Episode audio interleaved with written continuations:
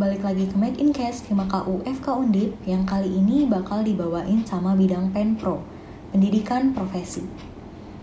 Tapi kali ini kita nggak akan bahas tentang proses pendidikan kedokteran itu kayak gimana, atau jalan apa aja yang bisa kita tempuh setelah lulus kuliah kedokteran, dan sebagainya. Walaupun of course kalau kalian tertarik, Penpro udah nyediain banyak banget proker kece yang bisa kalian ikutin, kalau kalian mau mencari jawaban dari pertanyaan-pertanyaan kalian seputar pendidikan dan profesi kedokteran. Kali ini Penpro pengen bahas tentang aplikasi dari pendidikan kedokteran itu sendiri di kehidupan kita sehari-hari.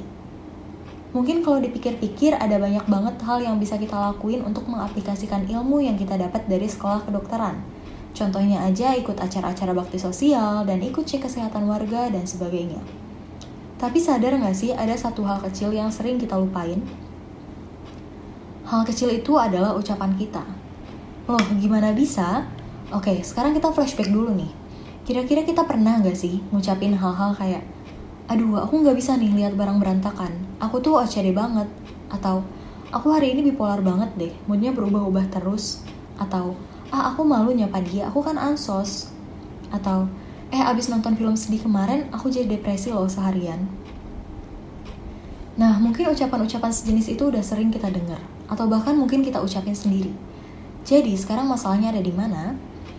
Masalahnya adalah sesuatu yang udah dinormalisasi itu ternyata nggak menjamin bahwa hal tersebut adalah hal yang benar untuk dilakukan. Sebagai seorang manusia dan mahasiswa kedokteran nih khususnya, kita harus benar-benar paham apa sih maksud dari ucapan kita, terlebih kalau menyangkut istilah kedokteran. Karena ucapan kita juga bisa jadi cara kita mengaplikasikan ilmu kedokteran yang udah kita dapat. Sambil review materi nih ya, kalau kita balik lagi ke istilah-istilah tadi, OCD, bipolar, antisocial personality disorder, dan depresi itu semuanya adalah penyakit kejiwaan. OCD atau obsessive compulsive disorder itu ternyata nggak sesederhana rajin bersih-bersih atau rapiin barang loh. Kalau kita emang senang suasana yang rapi, senang menata barang, mungkin aja kita emang orang yang well organized. OCD, singkatnya, sesuai namanya, itu ditandai dengan adanya rasa takut atau pikiran yang nggak diinginkan atau yang disebut obsesi yang memicu seseorang untuk melakukan sesuatu berulang kali atau yang disebut dengan kompulsi. Hal ini bisa sangat mengganggu kehidupan sehari-hari loh. Contoh lainnya itu ansos. Mungkin kita sering mengartikan ansos itu sebagai malas bersosialisasi, malu ketemu orang, dan sebagainya. Tapi ternyata, antisocial personality disorder itu adalah suatu gangguan mental yang membuat seseorang jadi nggak bisa ngebedain nih apa yang benar dan apa yang salah dan bikin orang tersebut jadi mengabaikan hak dan perasaan orang lain. Beda banget kan sama definisi ansos yang kita kira selama ini? Nah, itulah kenapa kita harus hati-hati banget nih dalam berucap. Mental illness, kalau kita ucapin sembarangan, lama-lama bisa bikin dia kehilangan makna yang sebenarnya. Bahayanya apa?